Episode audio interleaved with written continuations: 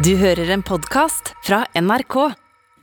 Det er fredag, det betyr Fredagspanelet, der vi skal snakke om kultursaker fra veka som har gått. I dagens panel Trine Skei Grande, rådgiver og partner i Footprint, som jobber med bærekraftig omstilling, og tidligere kulturminister for Venstre. Velkommen. Tusen takk. Og god morgen til deg, Audun Molde, førstelektor i musikk ved Høgskolen i Kristiania. Takk, god morgen. Og velkommen Nina Kristiansen, forfatter og journalist i forskning.no. God morgen. Vi starter med litt musikk, vi. Come gather round, people, wherever you roam, and admit that the waters around you have grown, and accept it that soon you'll be drenched to the bone.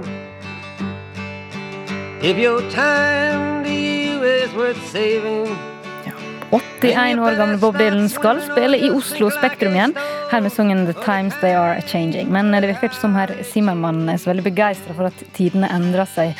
For denne gangen så har han et krav til publikum mobilforbud. Mobilene skal låses i spesielle vesker som publikummerne bærer med seg hele kvelden, som kun kan låses opp på en spesiell stad inne i Spektrum, egnet for mobilbruk, som Live Nation skriver. Så mitt første spørsmål til panelet, ja eller nei? Bør artister legge mikrofonen på hylla når de ikke lenger takler dagens konsertpublikum? Audun Molde? I dette tilfellet, ja. Nina Kristiansen? Nei. Trine Skei Grande? Jo, det burde de ha gjort. Ok, få høre. Nei, dette, dette er å gå liksom bak Hva er det han er redd for, egentlig? Er han, redd for at noen skal dokumentere at han fortsatt synger? Er han redd for at han skal synge dårlig? Eller er han redd for at noen skal fortelle at de har vært på konsert med han? Eller Ja. Nei, dette er så utrolig gammeldags. Og det, det, det, Jeg var på en konsert med Øystein Sunde, som var min sånn helt når jeg var barn. Og han begynte på med det samme oppå scenen, og da tenkte jeg det ødela hele bildet mitt av Øystein Sunde. Jeg har liksom ikke likt den etterpå. Den kommer med sånn moralsk pekefinger til, til, til dem som digger musikken til. Nei, det går ikke an, altså. Molde? Nei, Jeg er enig i det. Altså, Han uh, møter jo seg selv i døra med den sangen du spilte på forhånd. Han må jo bare akseptere at tiden har forandret seg. Bob Dylan noen burde fortelle han det. Og uh, altså, i, en sånn gammel uh, verden så tenkte man at kunstneren var på scenen og formidlet kunst til et publikum som satt pent og hørte på. Og at det var en sånn passiv mottaker som publikummer. I dag er det ikke sånn. Publikum på konserter og festivaler er jo aktive. Man er på en måte medskapere. Man har en dialog med artisten. Man forteller andre folk hva som skjer. Man bygger opp en, en interesse, man bygger opp medieinteresse, sosiale medier osv. Og, så og dermed så blir konsertopplevelsen det blir en interaksjon hvor ikke bare artisten, men også omgivelsene og publikum og stedet og stemningen er en del av hele pakken. Så at Dylan prøver å på en måte kneble det, det virker bare en sur, gammel gubbe.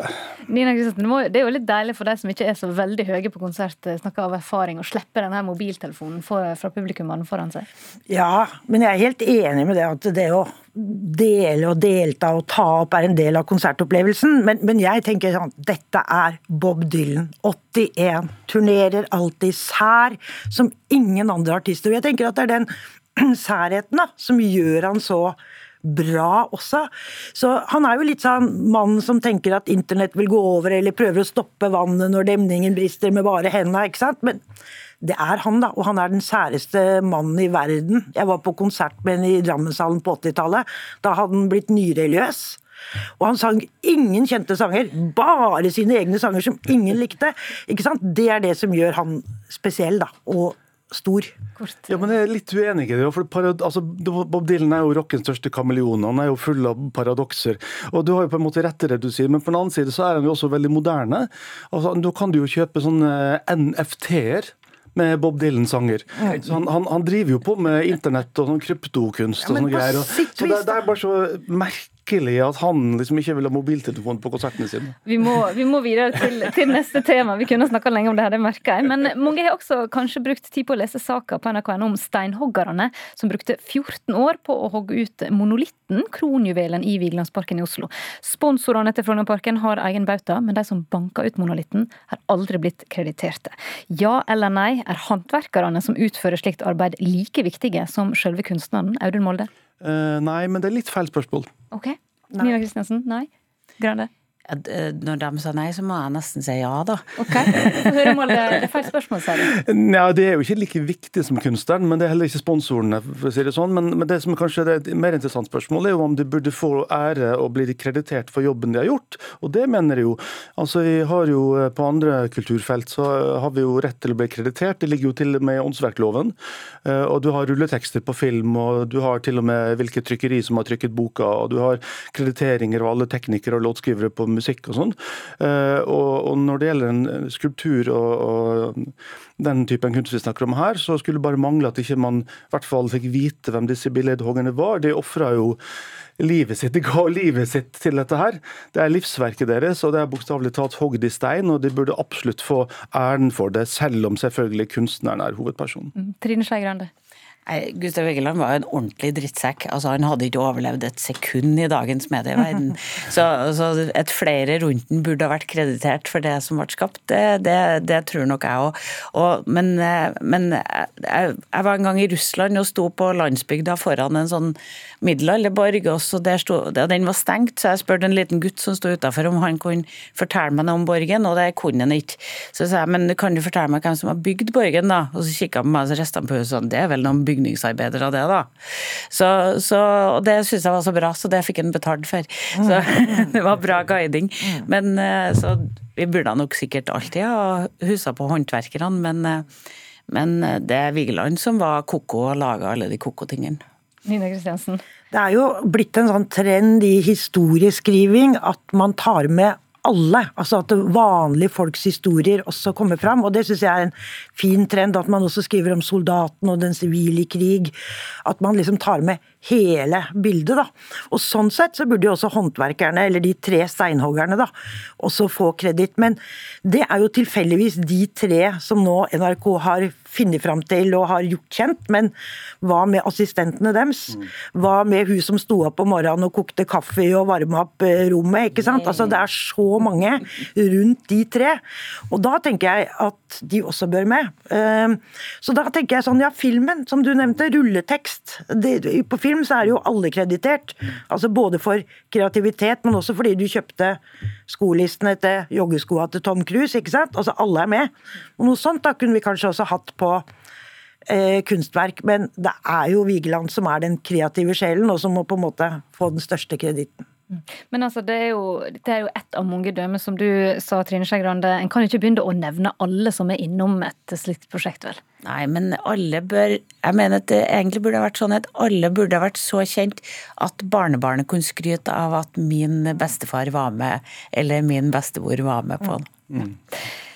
Vi må videre, for høflighetsfrasen nei takk er i ferd med å dø ut blant dagens unge. Stadig færre unge bruker nei takk når de ikke vil ha noe, og mange bruker i stedet det går bra. Sånn på ka kafé og sånn. Hvis de spør ja, vil du ha med Eller sånn kvittering, hvis de spør om kvittering. Sånn, vil du ha kvittering? Nei da, det går bra. Kanskje litt hyggeligere måte å si nei på? Jeg tenker at det er en høfligere måte å si nei takk på, egentlig. Er det like bra som nei takk, syns du det? Nei, det syns ikke jeg. Jeg syns det er bedre å si nei takk. Jeg syns det er finere, det. Ja. Er 'det går bra' et fullgodt alternativ til nei takk? Nina Kristiansen? Absolutt. Audun Molde? Det går bra. Trine Skei Grande? Nei takk, da. Å, skjønte du ikke hva jeg mente? Jeg må nesten si det motsatte her, men, eh, men jeg tok meg i går så tok jeg meg i å se det sjøl. Ja, noen spurte skal jeg hjelpe deg å bære, så sa jeg nei, det går bra. Ja. du sa nei først? Ja, det sa jeg. Nei, det går bra. Ja. Eh, så det er sikkert en sånn blanding, da. Men, eh, men dette har vært en stor diskusjon i min familie. Fordi vi har en tolvåring som aldri sier nei takk, men som sier det går bra.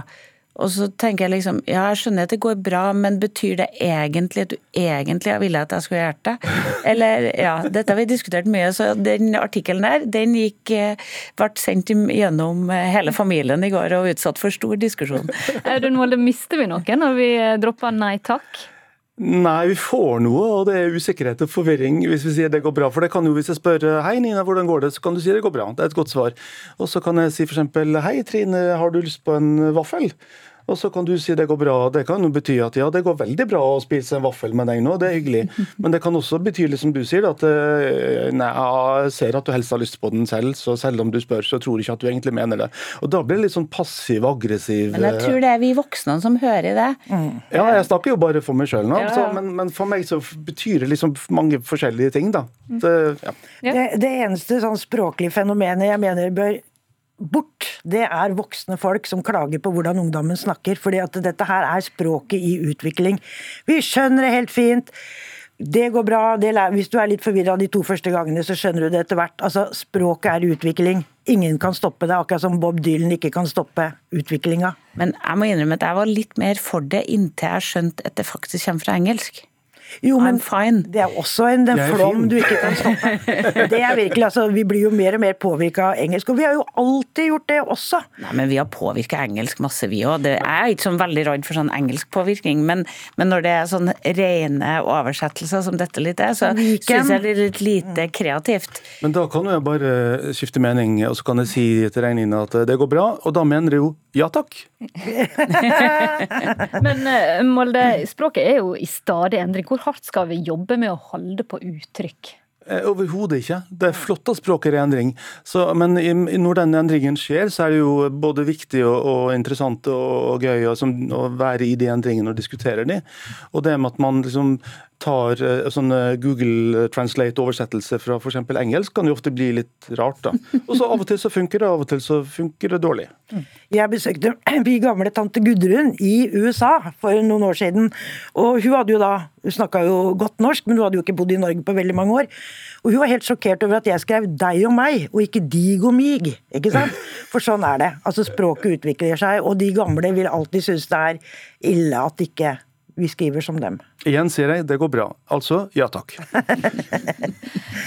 Da sier jeg eh, takk, det går bra, til panelet. Trine Skei Grande, rådgiver og partner i Footprint. Audun Molde, førstelektor i musikk ved Høgskolen i Kristiania. Og Nina Kristiansen, forfatter og journalist i forskning.no. Takk for at dere kom. Du har hørt en podkast fra NRK. De nyeste episodene hører du først i appen NRK Radio.